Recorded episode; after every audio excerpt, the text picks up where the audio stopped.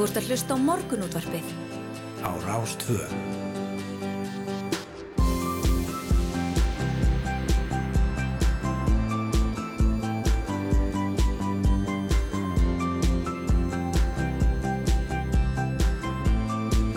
Morgunútvarpið Á Rástvö. Morgunútfrið býður góðan dag, mánudaginn 14. februar. Klukkunum þetta tíu myndir í sjö og það eru yngvar þóru og eh, Hulda Gistóttir sem verður hérna með ykkur til klukkan nýju. Jújú, jú, við komumstum á staðinn þrátt fyrir fannfergi og, og uh, þungafærð og rétt að byrja bara daginn á því að minna fólk á að vera ekki að fara af stað uh, nema að vera vel til þess búið og í dag er svona dagur þar sem að geti bara verið ágætt að taka á fjárvinnunni. Já, ég held að ég þurfti nokkrar aðrinur til að komast út úr úr, í, hérna í miðborg Reykjavíkur. Já. Þannig að þetta er, hérna, þetta er heilmikil vetrafærð þessa dagana. Já, og ég var einn á bústæðaveginum þegar ég gerði hann hérna á. Það, sko, það er nú kannski ekki margir að ferðinni svona snemma dags en ég hef ekki oft lendið í að vera bara alein í heiminum. Nei, einmitt, einmitt. Og kannski einmitt ágæta að fólk annarkvort haldi sig heima eða gefi sér góðan tíma til að komast til og frá vinnu. Já, það er alveg, alveg nöðsilegt að, gera það í dag. Uh, sem betur fer er þó uh, engin læti í veðrinu hér í höfuborginni. Uh, ekki drók eða neitt slíkt, þannig að snjórin, hann situr bara þar sem hann er, en ef að það breytist eitthvað þá getur orðið mjög erfitt að, komast um og við skoðum nú veðrið aðeins betur á eftir og þá auðvitað um all land en við ætlum að, að hérna, aðeins að renna yfir það sem er á daskra hjá okkur í dag. Það eru íþróttir á mánudögum uh, undir lok þáttar og Þorkell Gunnar Sigurbjörnsson íþróttafréttamaður ætlar að koma til okkar í dag. Það er ímislegt uh, um að tala og auðvitað mikið líf á vetrarólipjuleikonum í Peking þessa dagana. Einmitt.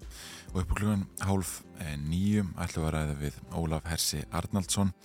Um, það er svona óvægt að segja að, prestar sinni fjölbreyttum og ólíkum verkefnum í vinnunni. Flesti starfa þó einhvern veginn innan veggja kirkjunar. En Ólafur Hersi sem er 32 ára guðfræðingur eh, fer svona fáfarnari leið þessa dagana en hann hóf nýlega störf sem prestur hjá norska hernum. Og við ætlum að ringi til Setrimóin í norður Nóri og ræða við Ólafum já, helstu verkefni herpressins. Já, það verður forvitnilegt. Svo er það þessi óhugnalegu skota árásarmál. Jú, einmitt, tveir voru úrskurðaður í gæsluvarhald vegna skotárásar í miðborg Reykjavíkur aðfaranótt sunnudags og það var önnur skotárásin í Reykjavík á nokkrum dögum og við ætlum að heyra í Runolfum Þóralsinum aðstóðar yfir lauruglu þjóðnum hjá greiningadeild ríkislauruglustjóra svona um þessa þróun og hvort það sín heila að aukast að fólk sé tilbúið að beita vopnum hér á landi. Já, svo er það uh, baráttan fyrir íslenskunni í heimi tækninar. Þar náðist markverður áfangi nýlega þegar talgerfli á íslensku var bætt við Microsoft Edge vafran. Og þetta er mikilvægt skref og eftirtökta verður árangur í þessari áætlunum máltækni fyrir íslensku sem unnið hefur verið að. Og við ætlum að fá Jón Guðnason, fórstuðumann máltæknisettus í Háskólanum í Reykjavík til að segja okkur meira af þessu. Já, þetta er mjög áhugavert. Ef við ætlum að varveita tungumáli þá hljótu að þurfa að huga tækninni. Jú, jú, og uh, svo ætlum við að bregða okkur austur á land, já svona allavega á símalínunni, því að umhverfis og auðlindaráðuneyti hefur auðlýst reyndýra veiði kvóta ársins 2022 og það er hægt að sækja um veiðilefi til 28. februar, en veiðin sjálf hefst þó ekki fyrir næsta sumar. Við ætlum hins vegar að slá á þráðin til Jóhanns G. Gunnarssonar, reyndýra sérfræðings hjá umhverfistofnun og fá að vita aðeins meira uh, hvernig þetta gengur allt fyrir sig. Já, og ekkert dregur úr spenninu í Úkrænudelinni þrátt fyrir sím, uh, samtöl helstu ráðamanna Rúslands við fulltrúa ríkja Allarsans bandalagsins og Antoni Blinken, þeirra bandaríkina, segir að engum ætti að koma óvart þóttu rússar sviðsettu atbyrjurás til þess að réttlæta innrás í Úkrænu og við ætlum að ræða við Val Gunnarsson sakfræðing og rítöfund um stöðuna á landamörnum og, og, og svona bara hérna náttúrulega manna fróðastur um þessi efni, það er reglulega Mm. rætt við hann Jú, jú. um, og, og hann ætti svona að geta sagt okkur já, hvað hefur gæst yfir helgina og hvað er mögulegt að gerist núna í vikunni það er hérna.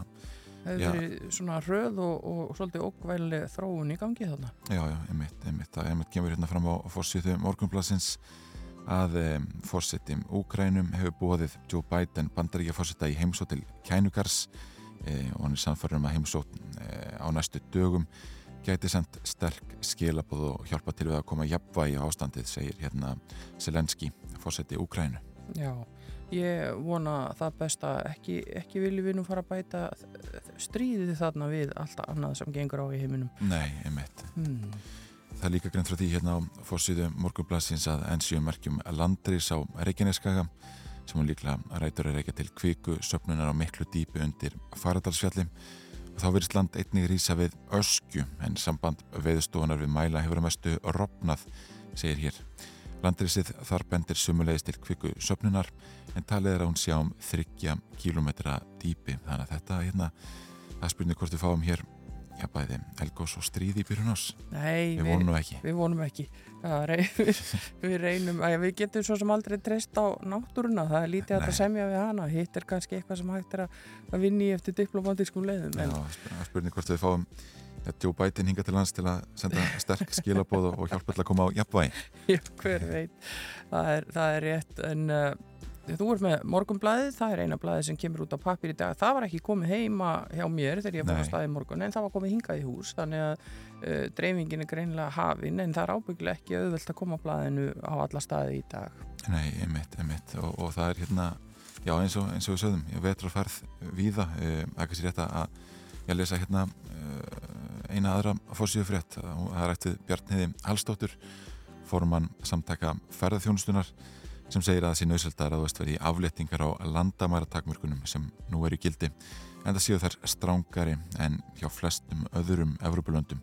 Við gungum út frá því að þetta veri fælt niður þegar reglugerðin sem nú er fællur úr gildi og minnum á að það veri óskinsamlegt í alla staði að gera það ekki segir Bjarniður, við höfum alltaf rætt um þessar landamæra aðgerðir núna já, síðustu mánuði mm.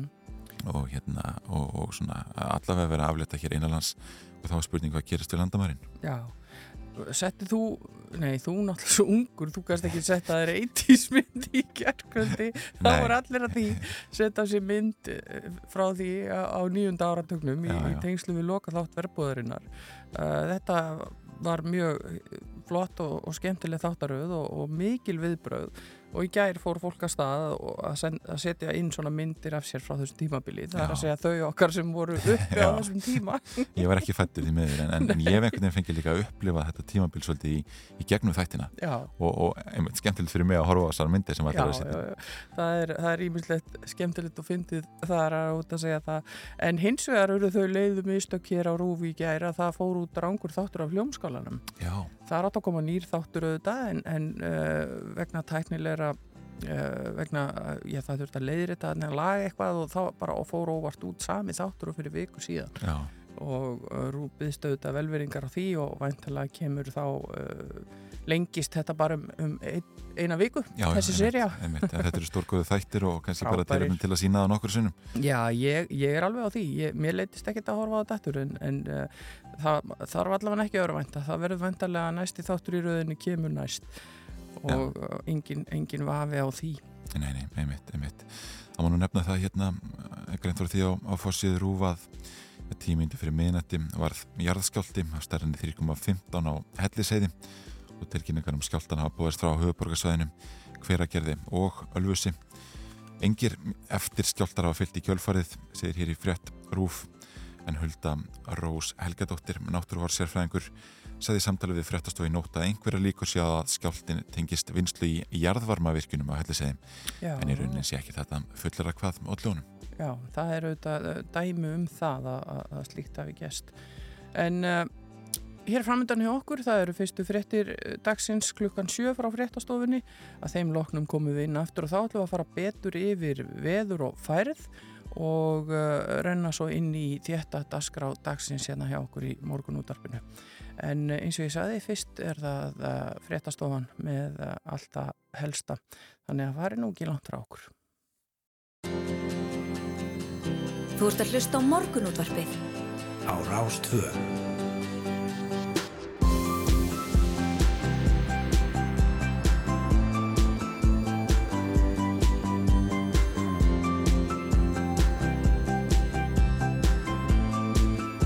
Rástvöð. morgunútvarpið á Rástfö Við bjóðum góðan dag hér á Rás 2 morgunútarpið heilsar og við erum klári í þennan fína dag en það hefur snjóað mikið hér á söðvestur horninu og hér í höfuborginni er mjög þungfært eins og við heyrðum af í fréttum.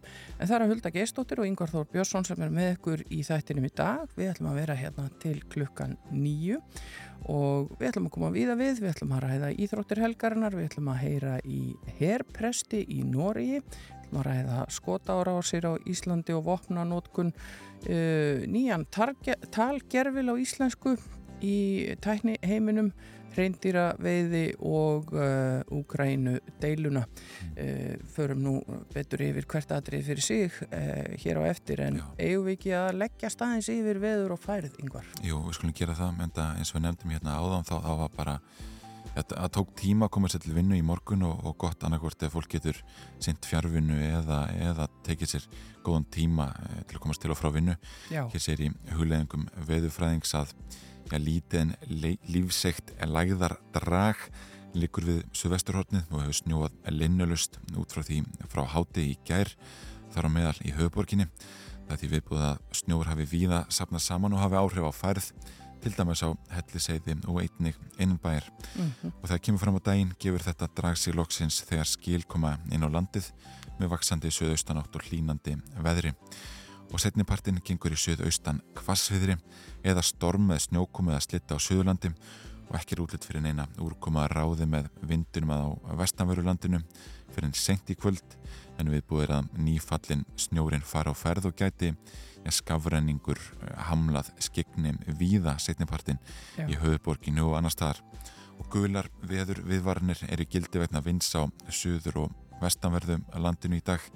Þannig að fólk þarf að fara að valja, það er bara þannig Jú, jú, og það kemur einmitt fram hér á vegagerðarinnar að eh, vegna eh, þessar veðurspár og, og veðursins ásöðu vesturlandi er búið að gefa út plan fyrir þá vegi sem að búast má við að fara á óvissusti og gætu jafnvel lokast í dag. Og þetta getið skoða nánar inn á vegagerðarinnar.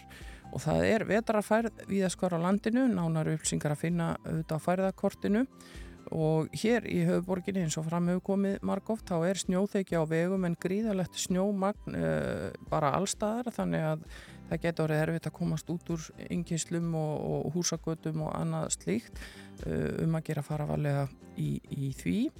Og svo er það Reykjanesbröðin, þar er hálka, það er þæfingsfærð á Akranisvegi og víða snjóþekja, uh, Hellisheiði, Þrengsli og Móselsheiði eru lokuð.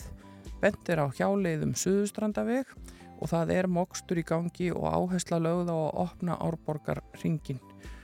Og eins og ég sagði, Móselsheiði lokuð, Krísuvíkuvegur lokaður vegna snjóa, Hellisheiði og Þrengsli líka. Og á Vesturlandi er snjóþekja víðast hvar en þungfært á Bröttubrekku.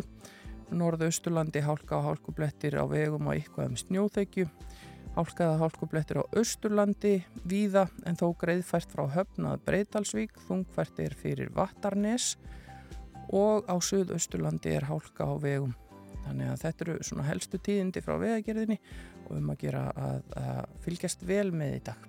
Já voru nefnlust eh, einhverju sem já, vöktu fram eftir í nótt eh, og, og fylgdast með eh, já, Super Bowl ofur skálinni Jú, ég, ég laði nú ekki í það svona í ljósi þess að ég vissi að ég þurfti að vakna snemmi í vinnun og ég vissi að ég þurfti að vakna jafnvel enn fyrr út af færðinni Já, einmitt. Svo að ég er nú bara að lesa þetta hérna á netinu eins og, eins og, eins og hver annar. Já, en annað árið tókst já, heimilegðinu að vinna Super Bowl leikin mm. Los Angeles Rams vann 23-20 sigur á Cincinnati Bengals á SoFi leikvanginum í Los Angeles í nótt og þetta er náttúrulega mikið sjó í kringum þetta og, og, hérna, og auðlýsingar og annað slikt mm -hmm. og ég held að fólk eins og við sem fórum til til að snemma að sofa þarf að, að liggja á netinu núna í dag og, og skoða svona hérna, það helsta sem gerðist bæði í auðlýsingum og í, í snerti mörgum og, og fleiri slíku. Já, já, en hugsaðu hvað við erum heppin að vera hérna til á tímum. Þar sem maður getur að horta á þetta allt saman þó maður hafi mistað þessu.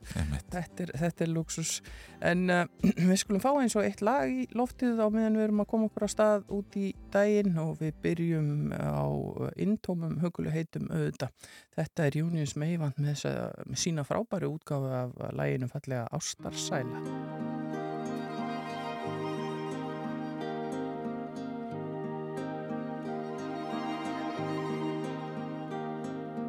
sérð aftur augum þín skær. Ástinn mín dagur er fjær. Svo vil ég vaka þér hjá. Venda þig ef að ég má. Er ég horf á þig hittnar mín sá Hverfur orð Og ég sefur þú sæl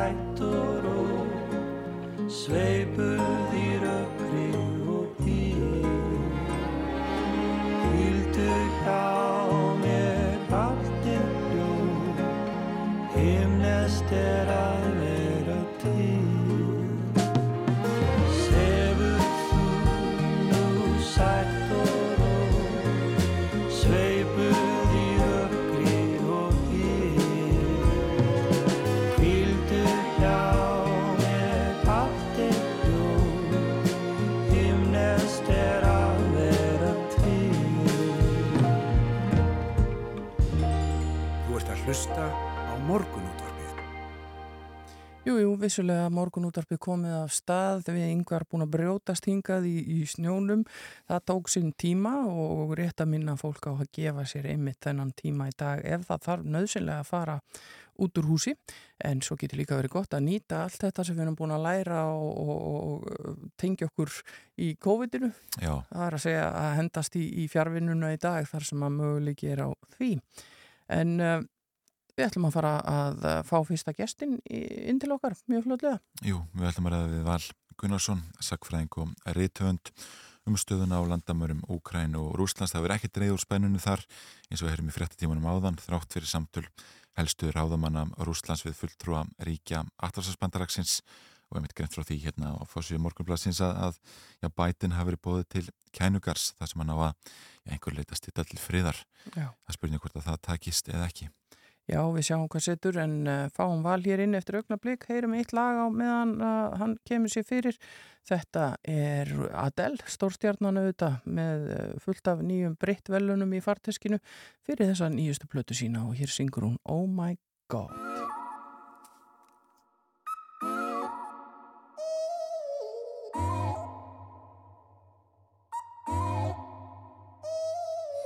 I ain't got too much time to spare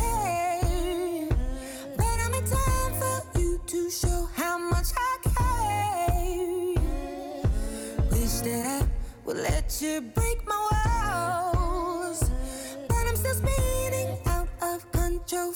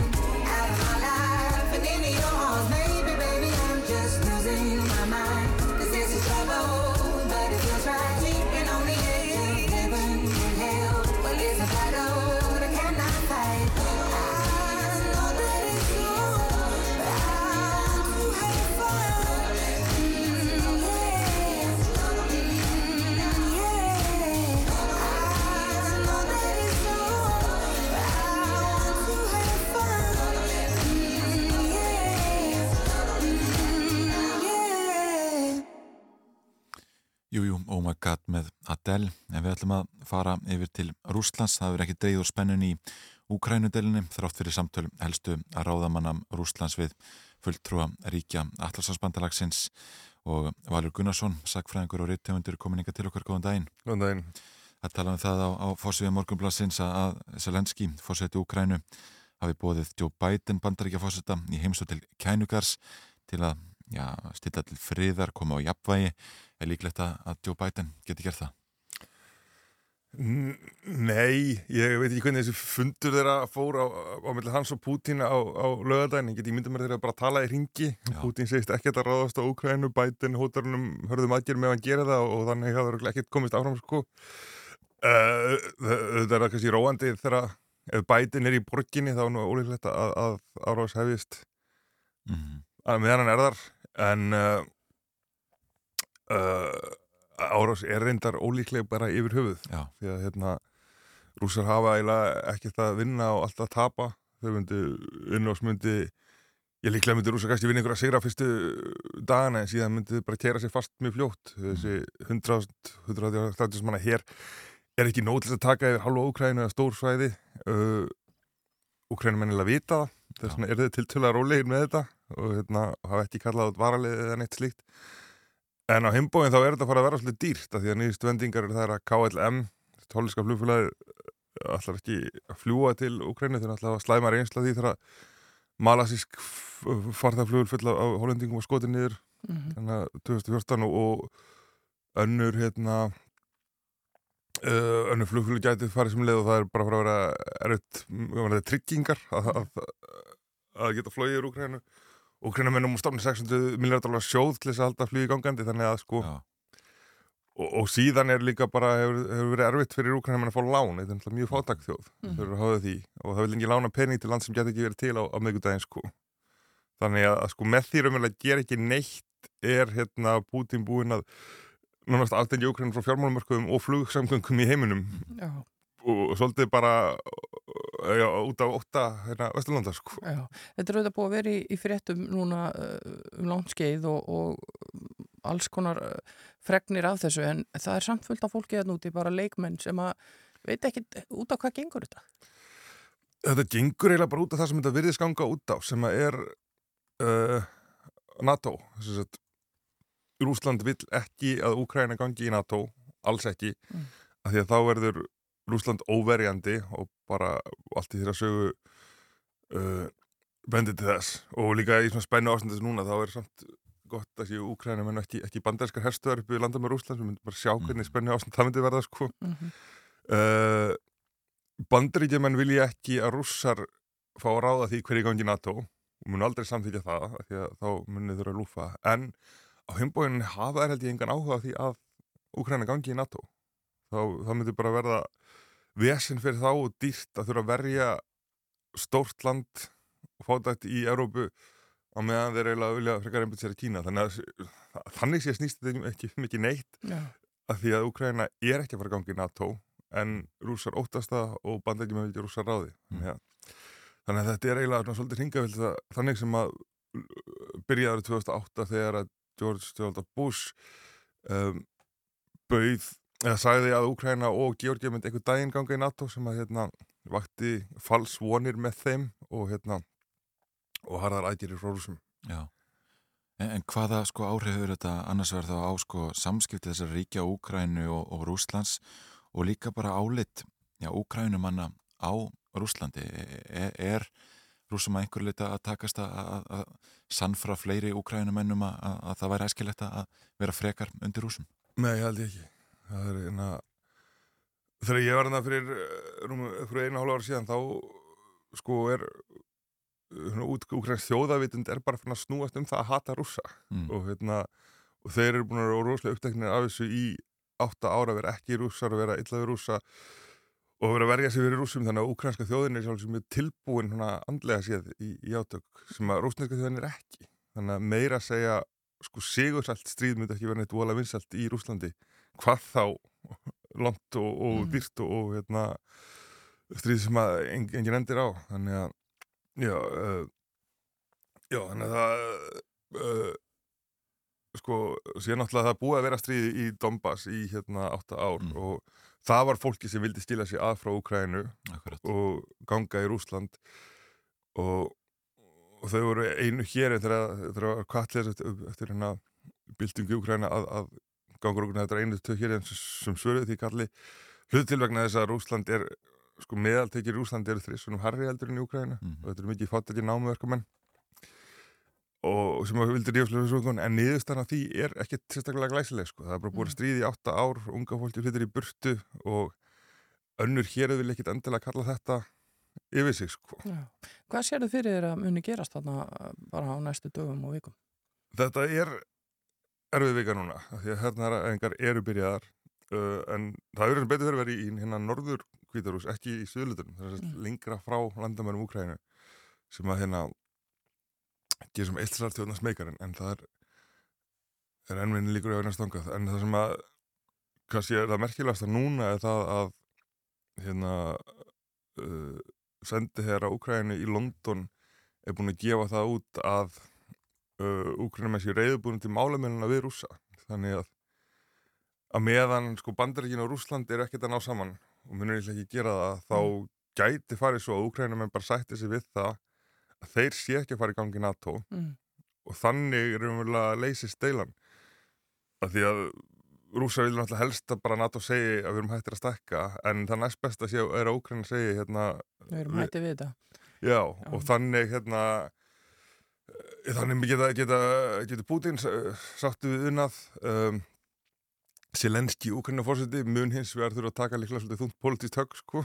Mm. eftir fyrir að hafa lúfað ekki endlega víst að muni lifa það af politist en uh, en það er líklega hægt að, að, að, að samfór úkrennum að það sé betra en stríð. Og mögulega hérna og er þá eitthvað að leysa þessa stöðu í Dombas í leiðinni. Já. þetta er svona uh, bjart sínasta scenariu kannski en, en alls ekki það óleiklegasta Nei. og hérna þessum hernaræfingum á að ljúka 20. februar uh, og við vonum bara að, að, að þær geri það Mm. ja, uh, Þannig að það er þessi vika sem að er svolítið svona uh, mikið mál. Já, og uh, Pútín alltaf getur ekki haldið sem hér aðna úti endalust heldur Mm. sko, þannig að fyrir að síðan þarf að draga hann tilbaka e- eða nota hann, en það að nota hann var bara svo óheyrilega held ég kostnæðasamt og hérna Já. og það má ég að byrja segja sko líka að okkurna menn lítur svo á þegar það fengi svo mikið stuðning samt að þeir séu svona hálfpartin undir vendavangi NATO svona efnaðaslega, þannig að þó að þessi ljóst að NATO myndi ekki verja okkurna gegn Rúslandi þá þá er þetta kannski svona næst besta að þeir vita að, að þeir fá þennan stuðning og þessar miklu Nákvæmlega. á hendur rúsum Við komumst ekki lengra í, í þetta skiptið Valur Gunnarsson, sakfræðingur og, og reytöndur þakkaði fyrir að vera hérna hjá okkur og, og ræða þessa ja, deilu á milli Ukrænumanna og rússa Já, ég fann vel að vona að það fyrir að vera búið hérna Já, við vonum við Það þurfum ekki að að kalla þér. út. Takk fyrir þetta. Morgun útvarpið, alla virka daga til nýju á Rástföð.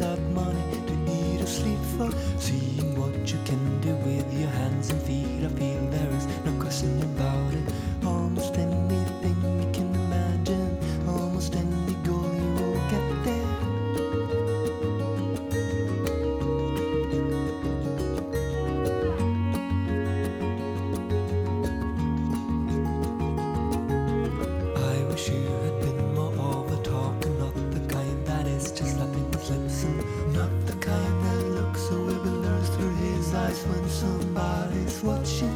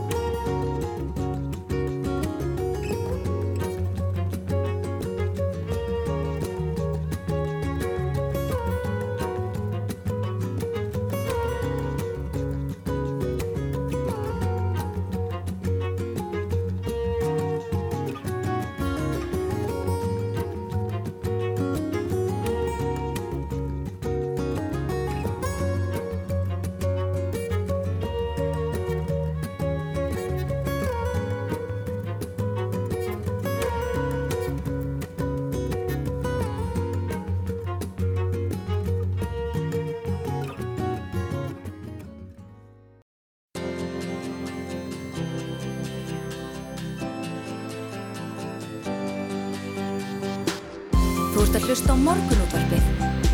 Á Rástvö. Jú, við ætlum að færa okkur yfir í allt aðra sálma en hér áðan þegar við rættum spennuna á milli Úgrænu og Rússa en við ætlum að fjalla um uh, reyndiraveiðar á, á þessu ári umhverfis og auðlindar áðuniti hefur auglýst reyndiraveiði kvóta ársins og það er hægt að sækjum veiðileifi núna alveg til 28. þessa mánadar en veiðin sjálf hefst þó ekki fyrir næsta sumar. En hins vegar er við með mann á línunni sem veit allt um þetta. Það er hann Jóhann G. Gunnarsson reyndýra sérfræðingur hjá umhverfistofnun Góðan daginn Jóhann. Jú, góðan daginn. Uh, Það er hægt að sækja um uh, veiðileifi núna. Hversu stór er kvótin Hva, hvað er hægt að veiða mörg dýr eða hvað er leifilegt að veiða í sumar Það eru 1021 dýr sem kvotin hljóðar upp á þessu sinni. Já. Er það svipað undanfarin árið eða eitthvað breyting þar á? Já, það er aðeins fækkun með að við árið fyrra það er tæp 200 dýr sem að er færra sem að veiða núna. Já. Hva- Hvernig er reyndýrastofnin já, þessi dagana? Hann er í ágættis ástandi. Ég er ekki alveg með töluna á reynu en það sé ekki einhverstaðar á milli 5 og 6 þúsund þeim dýr. Og þau halda sig auðvitað á, á Austurlandi og, og uh, þú fylgist með þeim þar, ert þarna í, í, á kafi í þessu? Já, ég fylgist nú ekki með hendurinnum. Það er, eða ekki nema á veiðitíma sko. aðalega. Já, ég meina það er- nú. En, en það er náttúrst á Östurland sem að vaktar stofnin Mm. Samkvæmt lögum og það er sérfræðingan hjá þeim sem að, sem að sjáum það að, að hérna, telja dýrin og, og metta ástand stofnsins og, og ef að stofnin er talin tóla veiðara þá eru, þá eru heimilega veiðar á stofninum af því að þetta eru sjálfbærar veiðar og, og stuðlaði því að stofnin sé sem bestu á sig komulagi og, hlutfall kynja og dreifing sé rétt. Já. En hvernig það er, er kvótin alltaf full nýttur, þekkir það? Já, já, það er yfirleitt sem að uh, það er yfirleitt sem næst að veiða það sem útlutað er. Það er svona kannski frá 95 til 99% sem veiðist af þessum veiðikvota og, og enda er það gott vegna þess að þetta er stoppstara stjórnun. Mhm. Nú, það eru fleiri sem að koma að stað heldur en vilja vegna þess að umsóknir eru yfirleitt þrefald, fjórfald fleiri heldur en leifin sem eru bóði eru. Já, já. Og, og það er væntanlega, uh, þú fær bara eitt leifi, það, það er ekki tægt að svona hamstra þetta neitt. Jú, það er bara þannig, það er, það er eitt leifi og, og vegna sumsóknar eru fleiri að þá verðum við einhvern veginn að koma því þannig heim og saman og, og það er dreigið sem sagt í tölvu útrætti Já. Og svo þeir sem ekki dragast út í þeir umferða þeir raðast á bygglista og, og á þannig bygglista get ég svo leita þegar leifum er skilað inn og, og það er alltaf dáldill hluti manna sem að Mm. ákveður að þykja ekki leifið og, og svo geta komið upp alls konar ástöður og, og þá, já. þá fer ég að þannig lista og, og hluta á þeim leifið sem að næst er á honum. Já. Það er alltaf heilmikið sem þarf að hafa í huga, uh, sko veiðiheimildirnar skiptast náttúrulega eftir veiðisvæðum og náttúrulega kyni dýrana. Já, já, menn þarf að sækja um þannig og, og svo geta mann sótt líka til vara ef, að, ef, að, ef að það gerist einstaklega að, að aðal umsóknir klárast að þá fer ég á svo kallan varabilista að raðast bara eins á hann. Mm. Nú það er eh, þannig yfirleitt fleiri sem sækja um tarfaleifin, það er svona vinsætla Mm. En það er svona er misjant hvernig menn sækja um, um eftir svæðum Já, kannski, kannski einhver svæði vinsælli eða meira spennandi en önnur.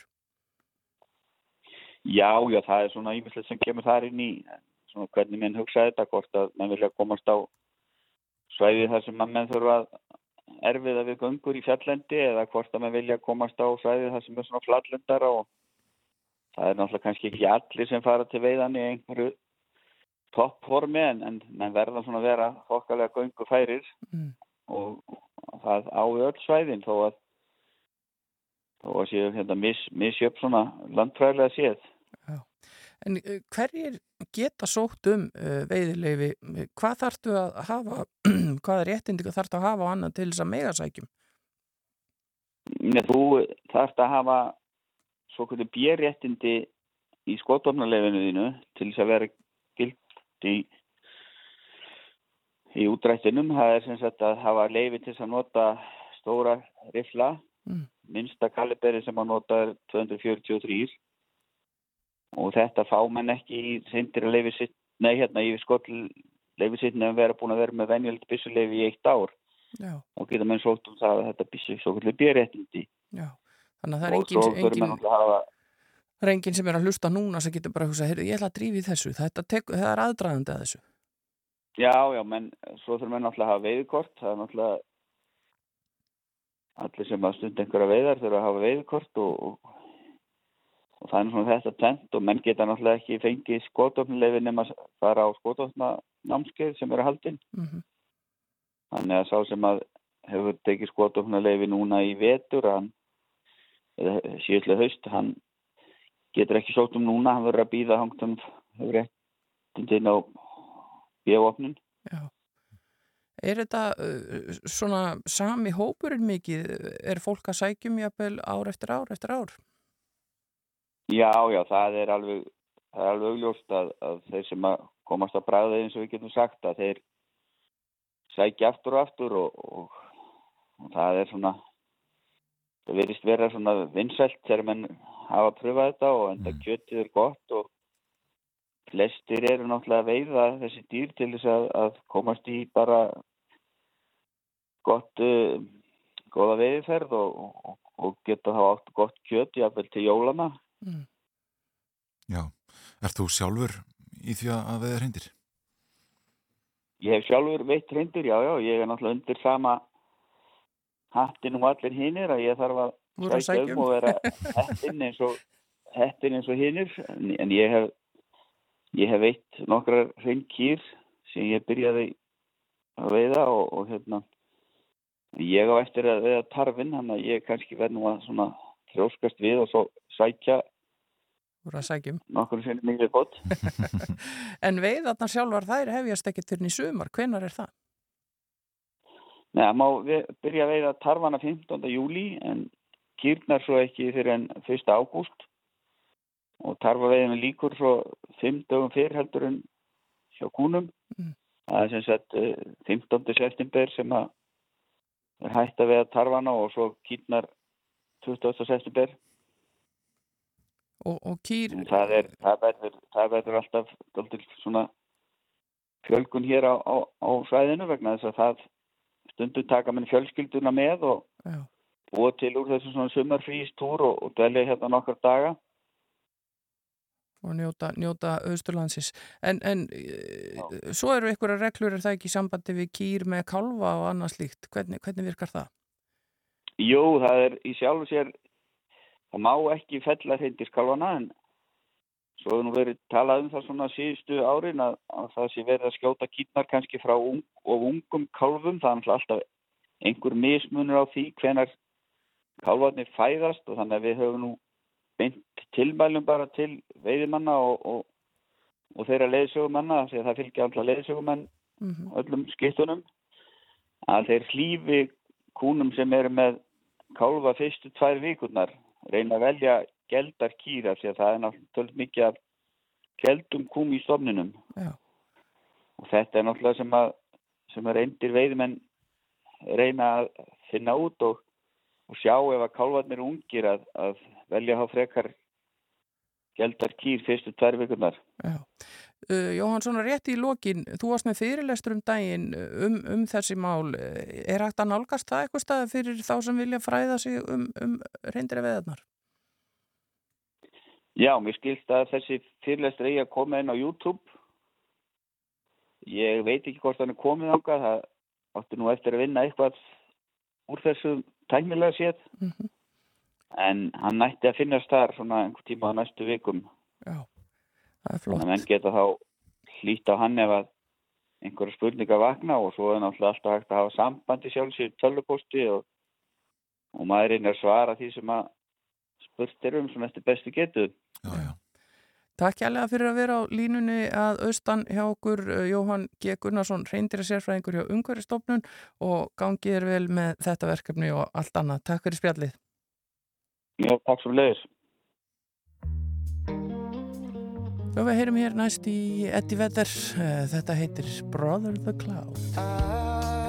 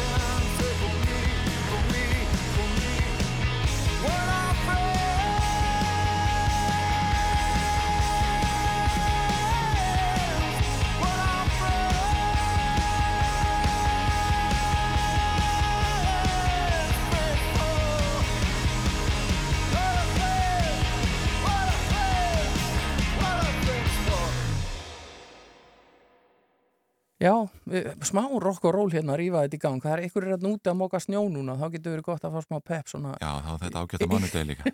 Já, þetta er auðvitað nýtt frá Eddie Vedder Forsbrakka Pöldjam en þarna er hann eh, nýbúin að gefa út soloplötu sem að eh, og er að fylgja henni eftir á tónleikum núna um allt en við ætlum að tala um allt annað því að eh, við ætlum að fara yfir í máltækni en markverðum áfanga var náð nýlega þegar talgerflega á íslensku var bætt við Microsoft Edge vafaran og þetta er mikilvægt skref og eftirtökta verður árangur í áætlun um eh, máltækni fyrir íslensku sem unnið hefur verið að og til okkar er komin Jón Guðnason, dósend í verkfræði og forstuðumæður máltækni seturs uh, í háskólanum í Reykjavík til að segja okkur meira þessu. Velkomin. Já, takk. Þetta er, uh, sko, fyrir leikmannin þarna úti, hva, hvað þýðir það að sé búið að setja talgerfil á vafra? Það þýðir að það er hægt að hérna, láta já, þennan, þennan vafra hjá Microsoft, Edge vafra, lesa fyrir sig textan. Já.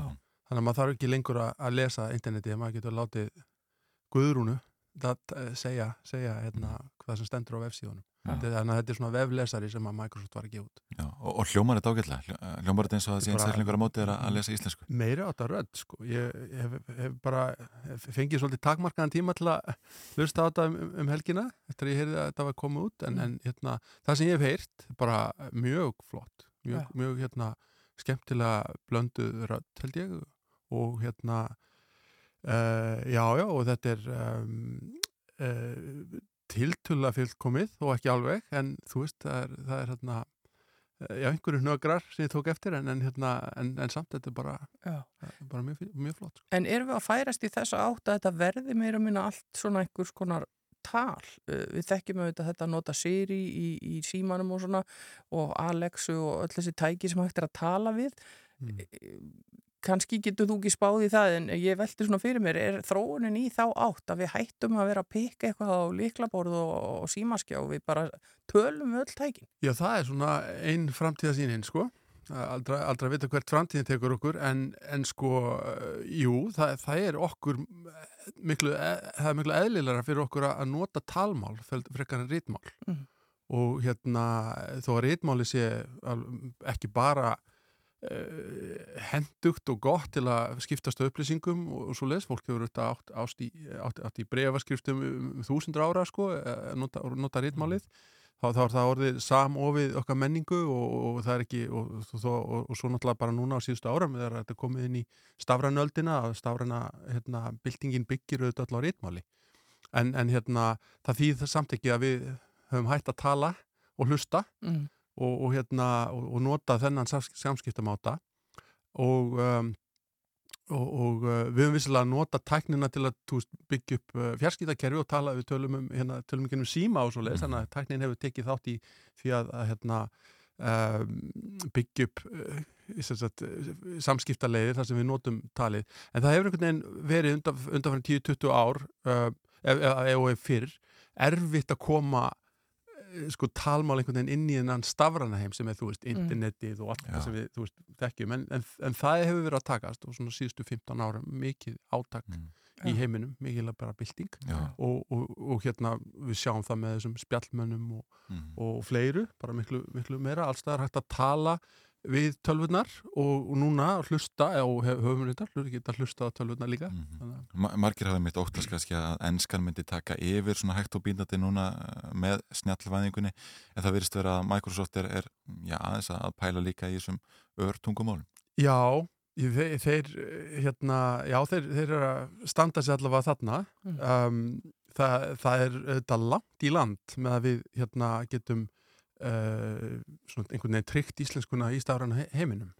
Og hérna aldrei að vita þú veist hve- hvernig, hvernig þetta þróast. Það er, þú veist, við þurfum auðvitað að fá hinn tekni fyrirtækin til þess að setja einn talgefla hjá sér og, og vissulega það er, það er endar eitt komið, það er, það er hérna Amazon hefur, hefur verið með íslensku rættirnar Karl og Dóru, þeir mm. kiftu hérna, fyrirtæki sem smíðaði talgerlega rættirnar fyrir blindrafélagi á sínum tíma og, og alveg Já, hérna, þessar tvær rættir, þannig að fólk hefur getað notað uh, hérna, s- al, a, ekki Alexun en hérna Amazon Web Services Mhm. tæknina til þess, að, til þess að láta Karl og Dóru tala fyrir sig Já. en það er ekki um, um, er ekki um svona veflesara að ræða uh, og um, þannig að við, við höfum þurft að fra, hérna, að sagt, uh, hérna, vinna mikið í þessu í talgerfingunni í, í, í máltæknaðalunni til þess að, að, að gera fyrirtækjum, hvort sem þau eru stór fyrirtæki svo Microsoft eða lítil fyrirtæki hérna á Íslandi eða, og allt þar á milli Já. eh, kleift að, að nota talgerfingu og, og svo talgreiningu líka sem er, sem er að hlusta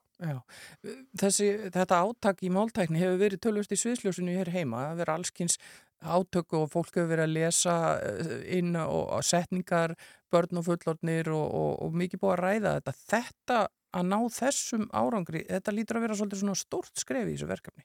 Já, vissulega, við, og, og við, þetta er eitthvað sem við stjó, stjórnum ekki og við, þú veist, gerðum það með- þegar við, við skipulögum máltækni áallunina og, og verkefni að þá, þá höfðum við þetta inn í, inn í því að við þyrftum að, að lobbya fyrir í stóru fyrirtækjunum að, að, að, skoða þetta. En við, við fórum ekki að stað með það, það lobby fyrir en að við vorum komið með gögn og, og ákveðin hugbúnað hérna í gangi uh, þannig að við getum bent stóru fyrirtækjunum á það sem við erum búin að gera. Og, og hérna þannig að okkur grunar það og við fáum aldrei staðfestingu á því, ég meina við erum nokkuð viss um það að þau hafi sko tekið gögnin tal, talgerfinga gögnin sem við byggum til og uh, búið til röddina úr, úr þeim. Þannig að þetta er ekki og þannig að við má tala aðeins um það gagnasafn, það sem við, við vorum að safna hérna uh, við, höfum, við höfum staðið fyrir samrómsgagnasafnin til dæmis og, og fleiri svona uh, hérna, fleiri svona áttak. Það er oftast fyrir hérna tal greininguna, það er að segja við viljum, að, við viljum skilja sem flesta. Mm. en þannig er verið að búa til rættir og þá fengum við sem sagt, þá fáum við sko bara fáa rættir inn í stúdíó sem að tala lengi. Við fengum átta manns hérna sem töluðu hver um sig upp í 20 tíma komu hérna yfir nokkra vikur og svo í framhaldinu fengum við 40 manns sem Já. komu út hver um sig talaði um uh, tóklökustundir þannig að okkur grunar að, að þeir hafa notað hennar setni gagnaðagrunn þessar 40 manns og blandað saman röddum úr því í, til að búa til guðrunu Já. Uh, rétt í lókin, hva, hvað eru svona næstu skref? Hva, hvað látið ykkur dreymum að þið sjáu og heyri næst? Já, við viljum auðvitað fá talgerfingu á fleiri stöðum en bara í Microsoft vafaran, við viljum fá á fleiri stöðum í Microsoft heiminu, ég veit ekki alveg hvernig það, það er, hvort það er sett að setja þetta inn í stýrikerfið en þá, en, og svo viljum við bara fá Google og Facebook og, og hérna Apple, sérstaklega, Já. og hérna tal, að setja upp íslenska rættir, en líka talgreiningu, þannig að, þannig að nú, núna er svo eini sem skilur okkur minni mig hérna Google, en við viljum fá Microsoft og, og hérna og Apple og fleiri til að gera talgreina líka þannig að, þannig að það Þetta er uh, stór varða á langri leið, við erum rétt að byrja en um, mjög ánægilegt. Takk fyrir að koma til okkar Jón Guðnason, forstöðumöður Máltæknisettursins í Háskólanum í Reykjavík. Takk fyrir. My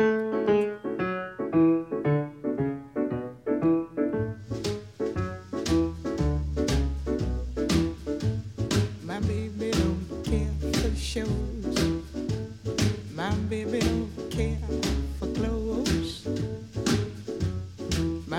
don't care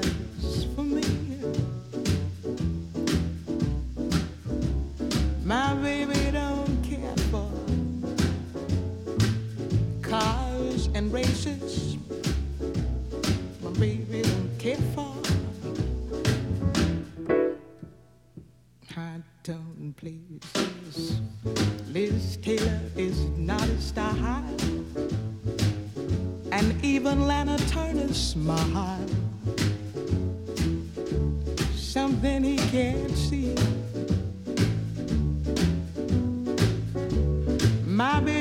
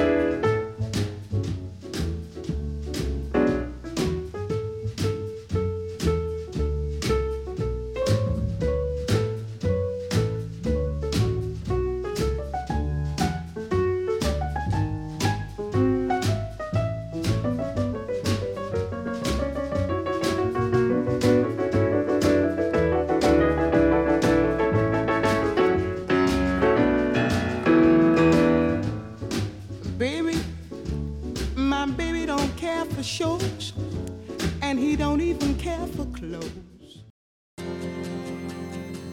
Þú ert að hlusta á morgunútvarpið á Rástvö.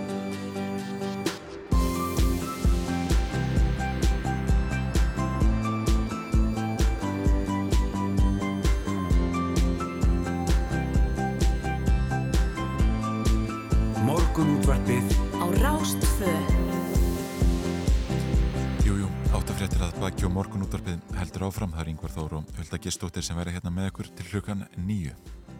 Já, ímislegt framundan hjá okkur. Við ætlum að fara yfir íþróttur helgarinnar hér í undir lók þáttar. Við ætlum að ræða við uh, herrprest í Nóri, Já. hvernig það starf fer fram og svo er það uh, þessi nýjir raunveruleiki skotárásir í, í Reykjavík. Já, Runólfur Þórlsson, aðstofari yfirlörgu þjótt hjá greiningadeild Ríkislörglustjóra, er að koma sér fyrir hjá okkur. Við ætlum að heyra eitt lag fyrst.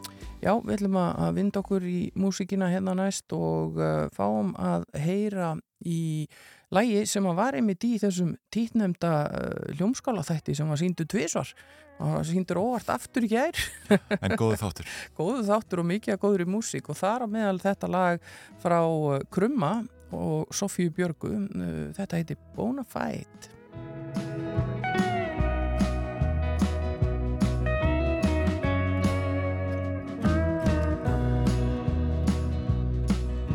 Grab your coat, put on your shoes, let's go. Come on now, baby, come get lost with me. My hand in your hand, what more could we want? Every part of me craves your company. Gonna have fun tonight, bona fide.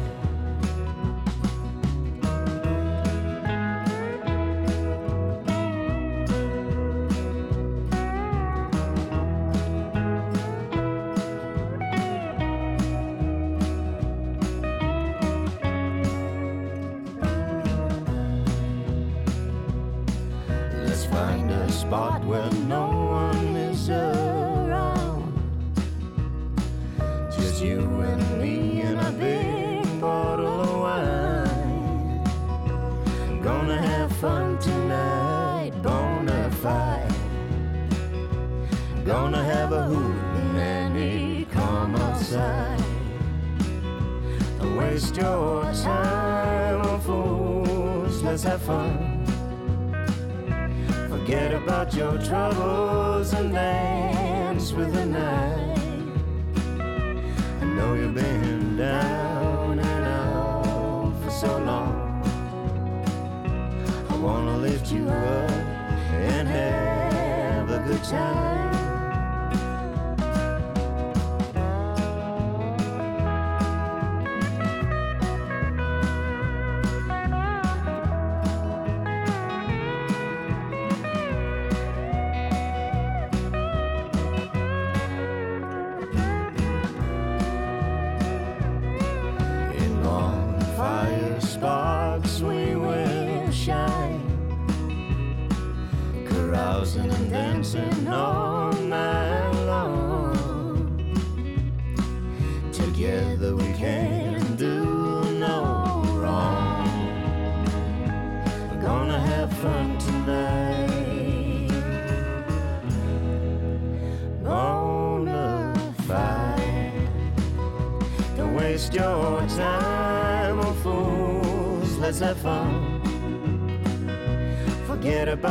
trouble.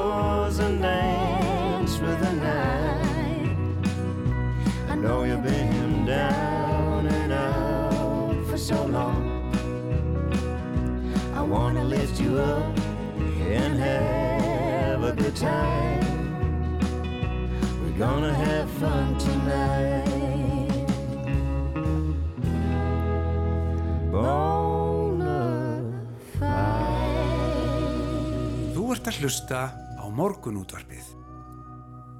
Jújú, jú, Bonafide með Krumma og Sofíu Björg. En við ætlum að fara í mál helgarinnar en tveir eru í haldi laurugluverna skot árósar í miðborg Reykjavíkur aðfórunótt sundags. Það var önnur skotarósin í Reykjavík á ja, nokkrum dögum og Runolfur Þóraldsson, aðstóðar yfir lauruglu þjóttn hjá greiningadeild Ríkislauruglustjóra, er komin ykkar til okkar góðan daginn. Komið þið sæl. Er, er þetta eitthvað sem við erum að, já bara einfallega að fara að sjá meira af, vopnuð átök í, í miðborg Reykjavíkur? Já, þessi þróun veldur okkur talsverðum áhugjum. Við hefum fylgst með þessari, þessari þróun um, skeið og, og í, já, í nokkur ár. og fjallaði um þetta talsvert í, í okkar skýslum í greiningadelda skýslum sem við, sem við gerum bæði hvað var það skipulega brotastarðsemi og, og svo við minnst á þetta í, í, varandi, í skýslum varandi hriðverka ógn þó að það sé alls ekki tengt því. En uh, jú, vissulega er þetta þróun sem að, að við verðum að, að horfa mjög alvarlega til. Og tengis þetta alltaf ja, skipulegri glæpastarðsemi? Þetta er, er frekar að, að, að skulum við segja ángi af skipulagri brotastarðsemi verknæðinir sem slíkir fall ekki undir, undir brotastarðsemi skipulega brotastarðsemi per se en, en þetta eru brotamenn.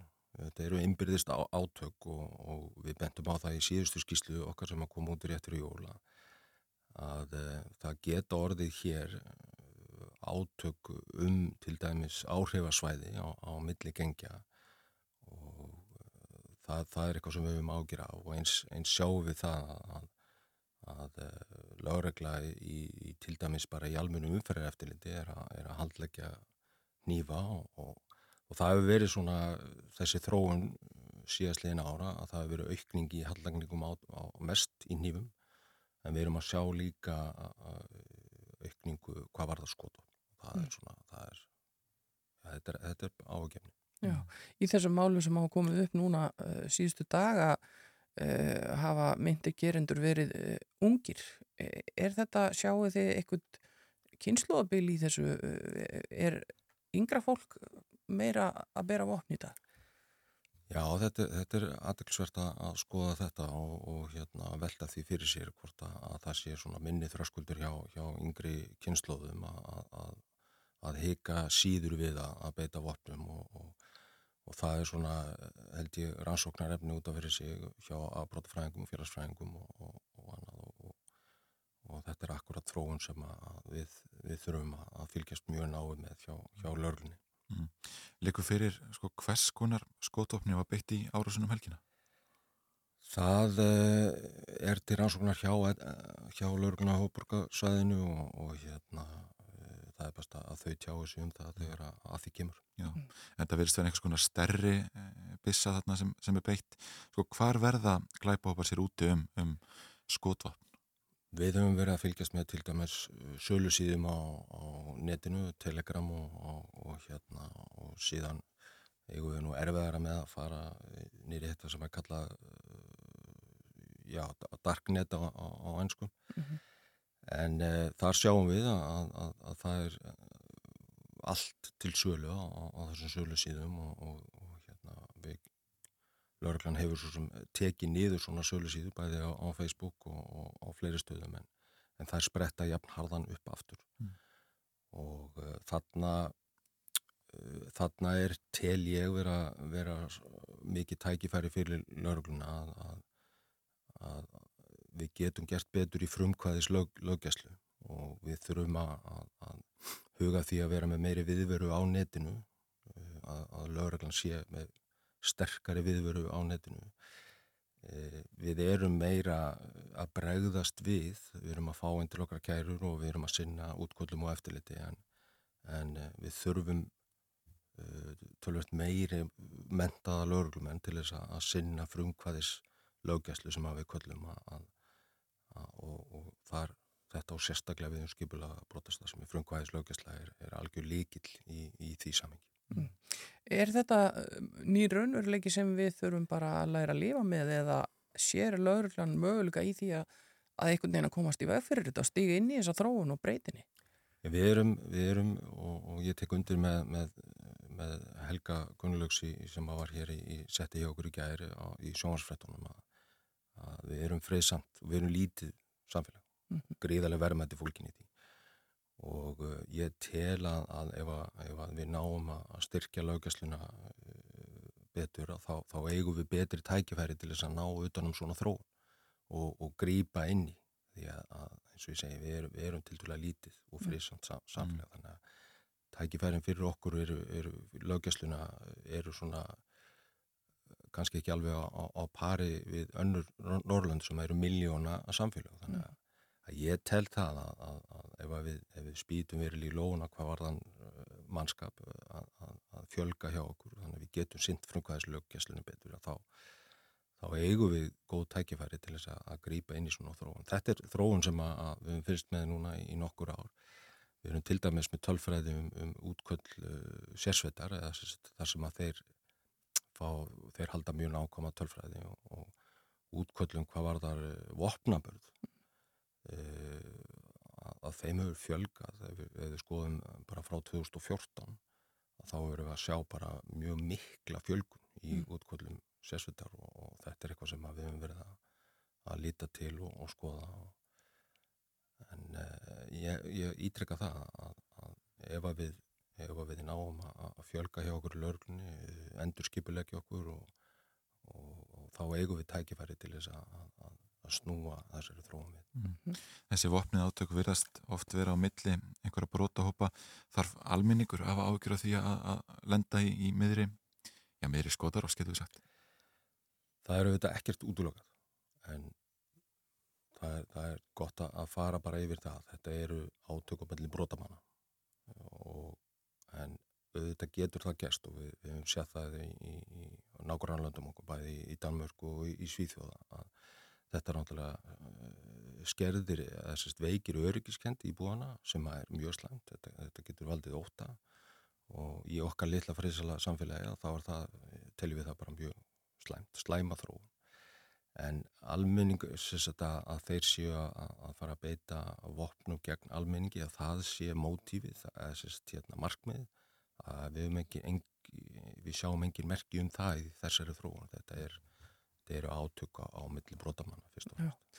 Ríkislauglustjóri saði í sjónvarsfréttum í gæri mitt að, að hún teldi ekki ástæðu til þess að, fara að vopna laugluna að fullu að, að svo stöndu. Er það, er það mikilvægt? Er til mikils að vinna að reyna að koma í veg fyrir það að við verðum hér með, með lauglu fólkgangandum gödudar full vopnað? Já, ég, sko, það, það var nú bæði könnun meðal lauruglumanna og svo vitum við að, að, að, að, að bæði, bæði almenningur og, og, og stjórnvöld eru þeirra skoðunar að almenn löggæsla að, að e, þurfi ekki að vera vopnuð og, og við teljum það þó að þetta séu alvarlegir atbyrðið núna undanvartna daga þá, þá teljum við það ennþá eiga við og, og eins og þú nefnir ég held að sé, sé svona, já það væri gott fyrir okkur að, horfa til framtíðar þar sem að almennlöggesla þurfi ekki að byrja skot á. En hvaða áhrif hefur hafa svona skotára sér á lauruglumenn? Finnir þið fyrir meira óöryggi í eitthvað starfi? Já, akkurat og, og við rættum um það að almenningur uh, í, í, í langflestum tilvikum þurfi ekki að óttast en, en auðvitað er þetta gríðarlega áskorum fyrir viðbrasaðar að, að, að takast á við svona mál og, og fara inn í svona mál og uh, þetta, þetta kallar á það að, að viðbúna lauruglu sé, sé öflugur. Uh, við þurfum að eiga uh, vel þjálfaðan, uh, vel þjálfað lauruglufólk sem hefur aðganga að tækjum og búnaði og, og, og þarna hefur verið vissulega undanfærin ár uh, verið, verið ráðast í, í miklar umbætur hvað þetta var þar en, en það má augljóslega í, í ljósi svona, já, Mm. Ef, við, ef við förum bara aftur til rauðageris og, og það sem búið að gerast í mildtíðinni að, að þá þurfum við að, að horfa til þess að, að, að fjölga hjá okkur uh, þjálfa mannskapir okkar betur og, og, og hafa, hafa gott aðgengi að, að góðum búnaði. Eh, fjölga segiru, það kostar sitt að, að, að eh, hafa fleiri vinnu og að þjálfa fólk og, og, og menta. Eh, Er þetta eitthvað sem er í kortónum? Serðu fyrir þér að, að það fáist fjármagn í að, að auka þessa frumkvæðis löggæslu eins og kallar hana? Við erum uh, horfum til stjórnar sáttmálans í, í, í þessu uh, tilliti og, og við sjáum þar uh, nokkuð skýrmerkjum það að, að, að allavega í stjórnarsáttmálum við talaðum um það að það þurfa að horfa bæði til endurskip, endurskipulegningar og einstað að fjölga lörglumannum. Mm. Þannig að við erum svona nokkuð bjart sín um það að við, við hérna, á næstu skólamissurum í lörglskólanum að, að við fáum að taka einn fleiri lörglumenn til þess að, að en þetta er, þetta er, þetta er hæg þróun Já. og því miður að, að þá er búið að tala um þetta núna síðastlegin áratug að fjölga þurfum við verulega í lörglunni það hefur bara ekki tekist. Við erum með þá á svipuðum staðu við vorum 2007 Mm. þannig að það er ljósta að, að það þarf að spýta verulega í lóna Það kemur hérna fram í morgunblæðuna að líka ekki fyrir hvort þessi skotárásum helgina tengist skotárásin í Gravarholti, það sem Karl og Kona voru skotin. Þú er náttúrulega að skoða þess að tölfræði tölvert býstu við eh, já, að, að þessari skotárásum helgina verði svarað núna næstu dögum. Það er augljóslega eitthvað sem að, að, getur komið upp á að, að einhver, einhvers konar hemdar ástafanir innan þessa hóps uh, gætur raungjast. Það er, og, þá ítrekka ég bara enn og aftur að, að hérna, eins og við höfum rætt að, að þarna eru, eru átökum milli brotamanna. Þetta er óþægilegt fyrir almenning en uh, ég tel að, og tek undir það sem að ríkslögstjóri og, og, og fleiri hafa sagt að almenningur uh, svona, já, þarf, þarf ekki að ótast þetta uh, með þessum fyrirvara að, að það er ekki útlöka að, að svona atbyrðir geti hérna, haft áhrif á almenning. Það er, Nákvæmlega, Runólfur Þóraldsson, aðstofar yfirlöglu þjóttn hjá greiningadeild Ríkislörglustjóra. Þakka fyrir að koma í morgun út að spila og að ræða við okkur um þessa skótárásum helgina. Takk fyrir.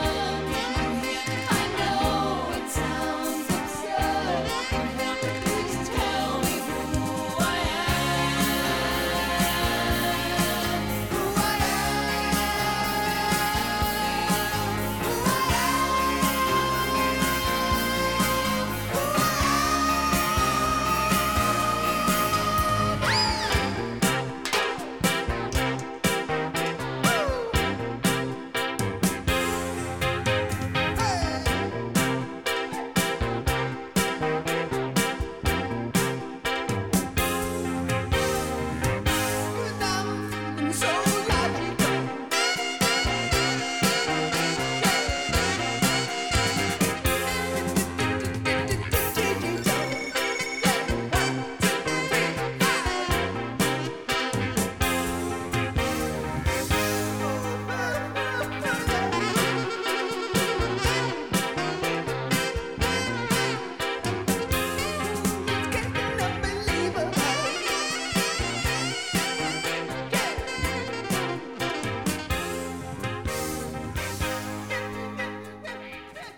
Þetta er auðvitað Supertramp og The Logical Song eða rökrétta lægið getur verið eitthvað svona létt þýðing á því.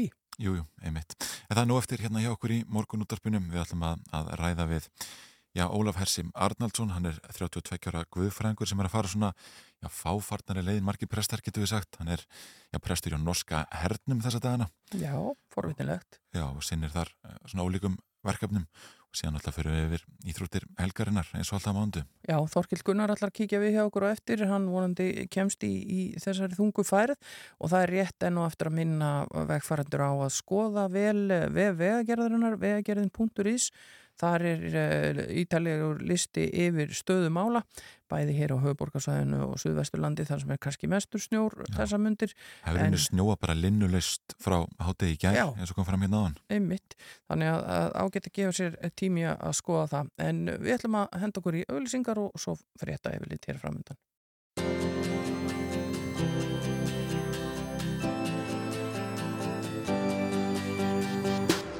Þú ert að hlusta á morgunútvarpið á Rástvö. Jú, morgunútvarpið heldur hérna áfram og við ætlum að, já, ég fjalla aðeins um, um e, presta, en það er ótaf að segja að þeir sinni fjölbreyttum og ólíkum verkefnum í vinnunni. Flestir starf þó að einhver liti innan veggja kirkunar en henni 32 ára guðfræðingur Ólafur Hessir Arnaldsson fer svona fáfarnari leið þessa dagana en hann hóf nýla störf sem prestur hjá norska hernum og hann er komin á línuna. Góðan daginn. Góðan daginn. Hvað segiru, hvað kemur til? Hvers vegna ágöðu þú að, að ég væri prestur hjá norska hernum? Já, það byrjaði alveg þannig að ég lærði ju guðfræðina í Oslo og uh, guðfræðinámi í Oslo þannig byggt upp og það er mikið starfsnám. Alltaf með fyrst er maður í starfsnámi í söfnuði og svo er maður í starfsnámi hjá okkur stofnun. Mm. Og flestir velja þá sjúkrahús eða fangelsi. En svo var herin líka í bóði. Þannig að þá fekk ég að pröfa það að vera í hernum í fjóra vikur í starfsnámi. Og, og þá var ég sendur til Kirkjunes sem er alltaf lengst norður í, í Nóri, við landa með Rúslands. Já. Og, og hvað og, gerir herrprestur? Já, maður náttúrulega með aðeins helgihald. Það, verði, það er messur og svona.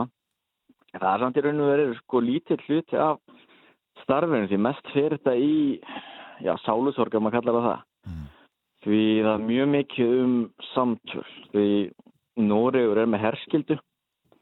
Þannig að það er alltaf ákveðin hópur af 19 ára krökkum, kannski til 1921 sem er tek, tekið inn í herin á hverju ári. Mm og síðan er þessi krakkar þá náttúrulega sendir út um allar Noreg og mikið að vinn fyrir nú í raun og veru bara að huga að þeim því það er náttúrulega voðalega erfitt fyrir marga að koma kannski frá Suðunóri og til dæmis er sendt hingað mm. sem ég er núna á Setumóen sem er lengst norður í Noregi mm. Það, það sem er bara kallt sko, og dimt og, og hérna erfitt Já, þegar ég byrjaði hérna 10. janúar þá var 26. frost á flugullinum og það var bjart í svona klukktíma og tvo Já, Já. En, en... Þannig að fyrir, krak fyrir krakka sem koma úr sko, já, ekki það svinnaveri Núri eða sem er ekkert almennilega vetur eða lengið snjór, bara það eitt og sér eru mikið viðbriði, svo kemur allt hitt ofan á. Já. En uh, þú sjálfur, þetta fer ekki dýrli í þig að vera þarna í, í, í öllum þessum kuldaðu, er þetta íslenska blóðið sem að gera þig vanan?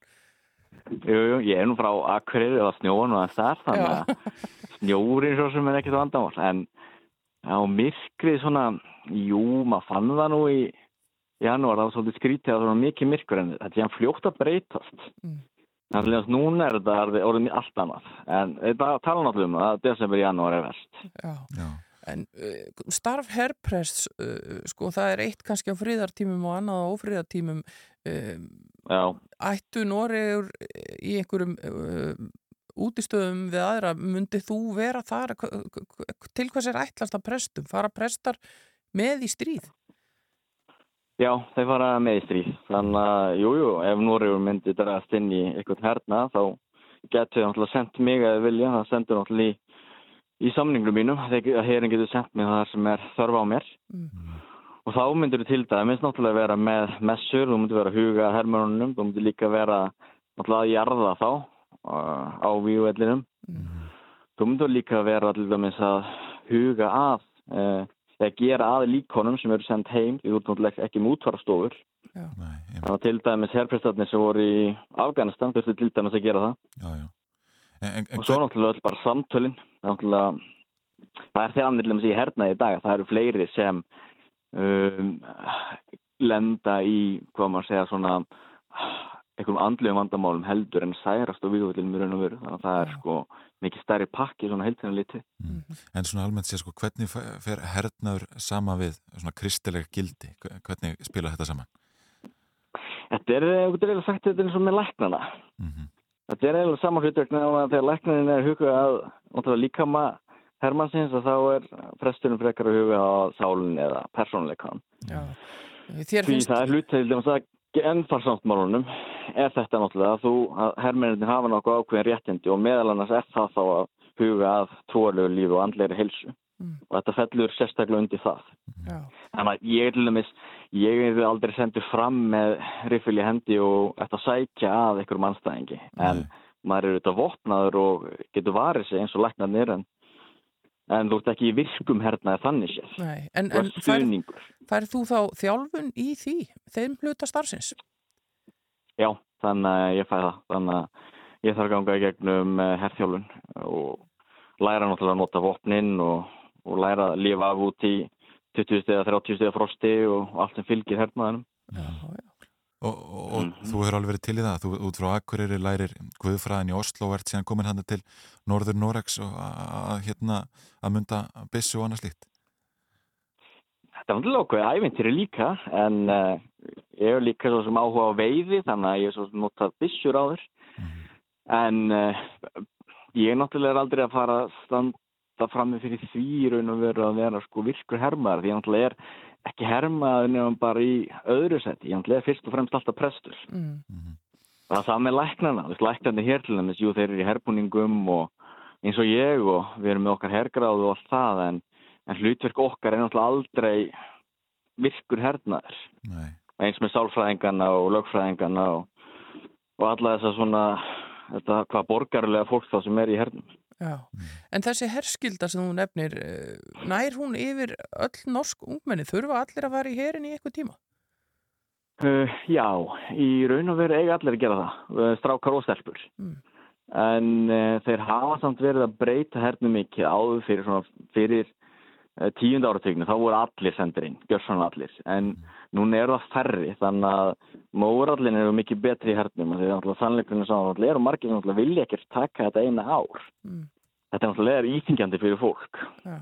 En, uh, en það stendur samt mjög stert í Nóri en þá haldi í herskildu og þeir vilja ekki hafa atvinnu hér eins og í til þess bandaríkjum. Þeir líta át sem mikilvæg hlut af jafnbrettinu og, og líðræðinu að jú, borgararnir fari inn í herin og séu þá í stand til að verja landið ef, ef þarf á því.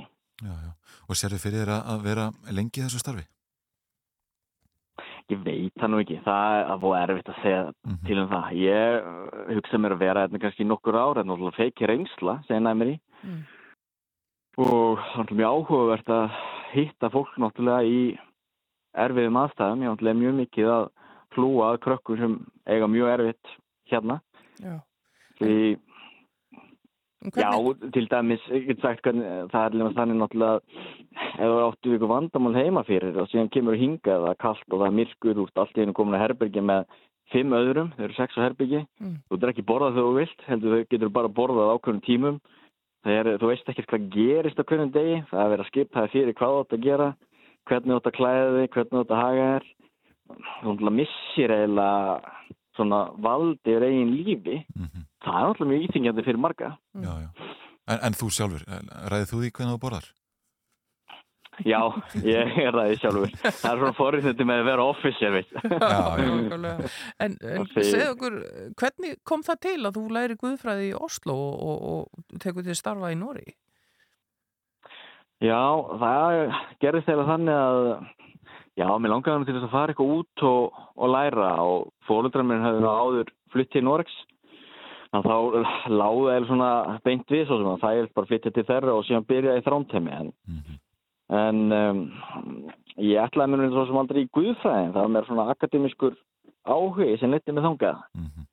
En, en ekki það, ég get nú bætti við að bæði faði minn og móðir eru nú prestar þannig að það sem var nú aldrei langt frá þannig séð. Nei, nei, nei akkurat. Og svo voru allavega tveir strákar sem ég útskrifast með. Þeir voru báðir sendir inn í herin vegna þess að það er líka hluta herskildinu. Já, já. Að prestar til dæmis sem uh, er, hafa lokið námi, þeir þurfa að fara inn í norska herin þá og þjóna sem herprestar og eins með lækna. Þú klára læknanámi í Nóri og þá ertu dregin í norska herin Já, já. og það er að þjóna sem læknir í ár. Já, þetta, þetta er tölvöð frábriðið því sem er hér. Býstu við því að, að koma heima á einhverju tímapunkti? Já, ég hugsa mér nú það, en það er þannig að erfitt að segja, ég er náttúrulega búin að búa hérna í tíu ár núna í sumar. Mm. Uh, en, æ, ég tek nú eiginlega bara hvert ár fyrir sigurinn. Já. Þannig að það bara að koma í ljós, en jú, ég býst nú við að maður komi heim og þá er þetta nú einstök reynsla, þegar en ekki margir herprestaðan í Íslandi. Það er rétt, það er rétt. Ólafur Hersir Arnaldsson, þakkaði kjalla fyrir að að ræða við okkur hérna í morgunúndarpinu. Já, takk fyrir. Segjum það. Já, Gangið vel með þetta allt saman og bestu kveðið til Norex. Takk, takk.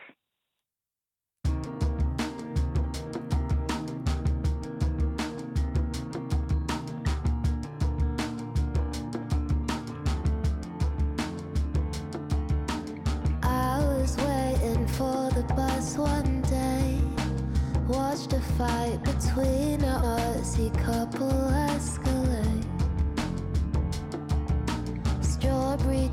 flushed with defeated rage.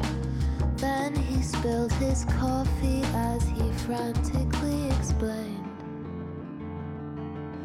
Maybe if you took a breath,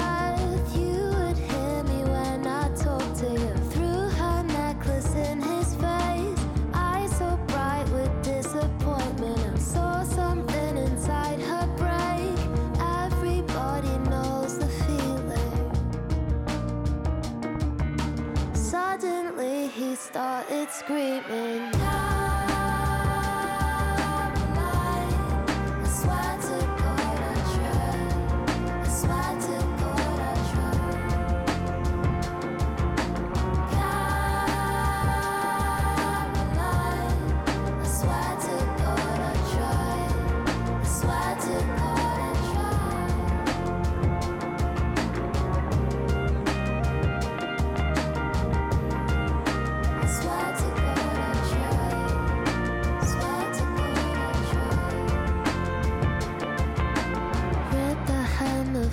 Her as she ran, panicking and weaving through the crowds on Oxford Street.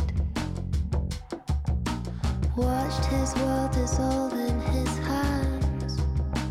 Tried to roll a blunt, then put his head between his knees.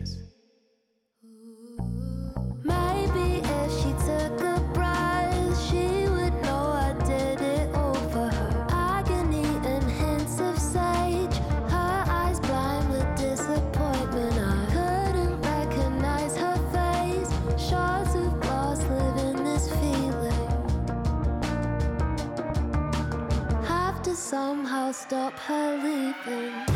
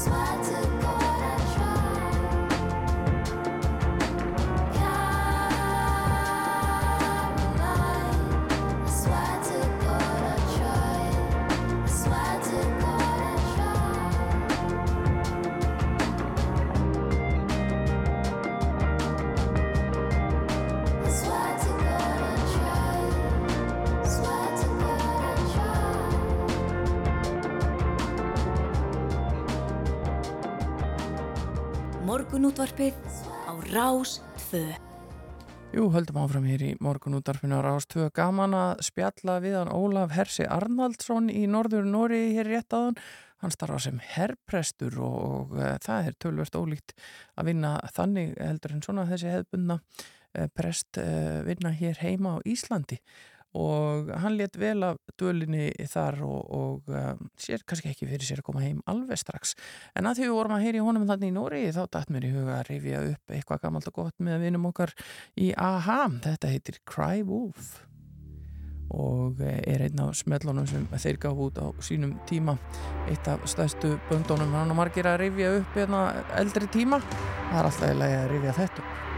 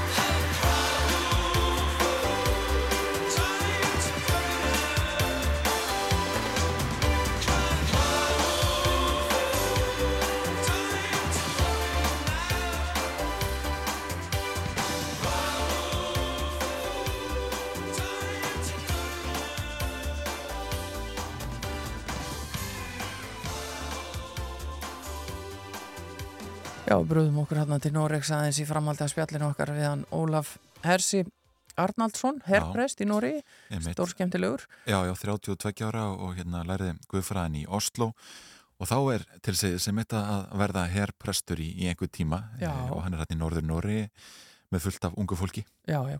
En við erum vön að fara aðeins yfir íþróttur helgarinnar á þessum tíma en það er allskins atriðið að spila inn í það að hérna, fólk eh, komist ekki á staðin og þetta, við ætlum bara aðeins að líti yfir þetta hér eh, á uh, vísa auðvitað á vefin okkar góða rú.is skástrík íþróttir Já. og stóra fréttin eftir nóttina er auðvitað þessi sigur uh, Los Angeles Rams hrútarnir sem að unnu í uh, Super Bowl eða ofurskálinni eins og við hefum kallað á íslensku Ekki leiðilegt að vinna á heimavöldi líka. Nei, Nei og, og, og uh, það er nú hægt að, að ég er ekki búin að grúska neitt ennþá, við erum auðvitað bara búin að vera hér í loftinu síðan snemmi morgun en ég á eftir að kíkja á hálfleiks sjóið og, og allt þetta. Og Eh, auðlýsingarnar Já. það er svo mikið einhvern veginn í kringum þetta sem fólk er að fylgjast með þannig að meiri sé að sko, fólk sem hefur engan áhuga á íþróttum horfur á þetta Já, sérstaklega vestanás og, og síðan heyrum maður sífælt af fleiri já, ofurskála partíum eh, Já, ég hér á Íslandi Yngvar, ég held að séu nokkri núna sem er rosalega fegnir hvað það er slæm færð Já, ég geta held bara það. sendt inn í vinnuna ég verð að vinna heim í dag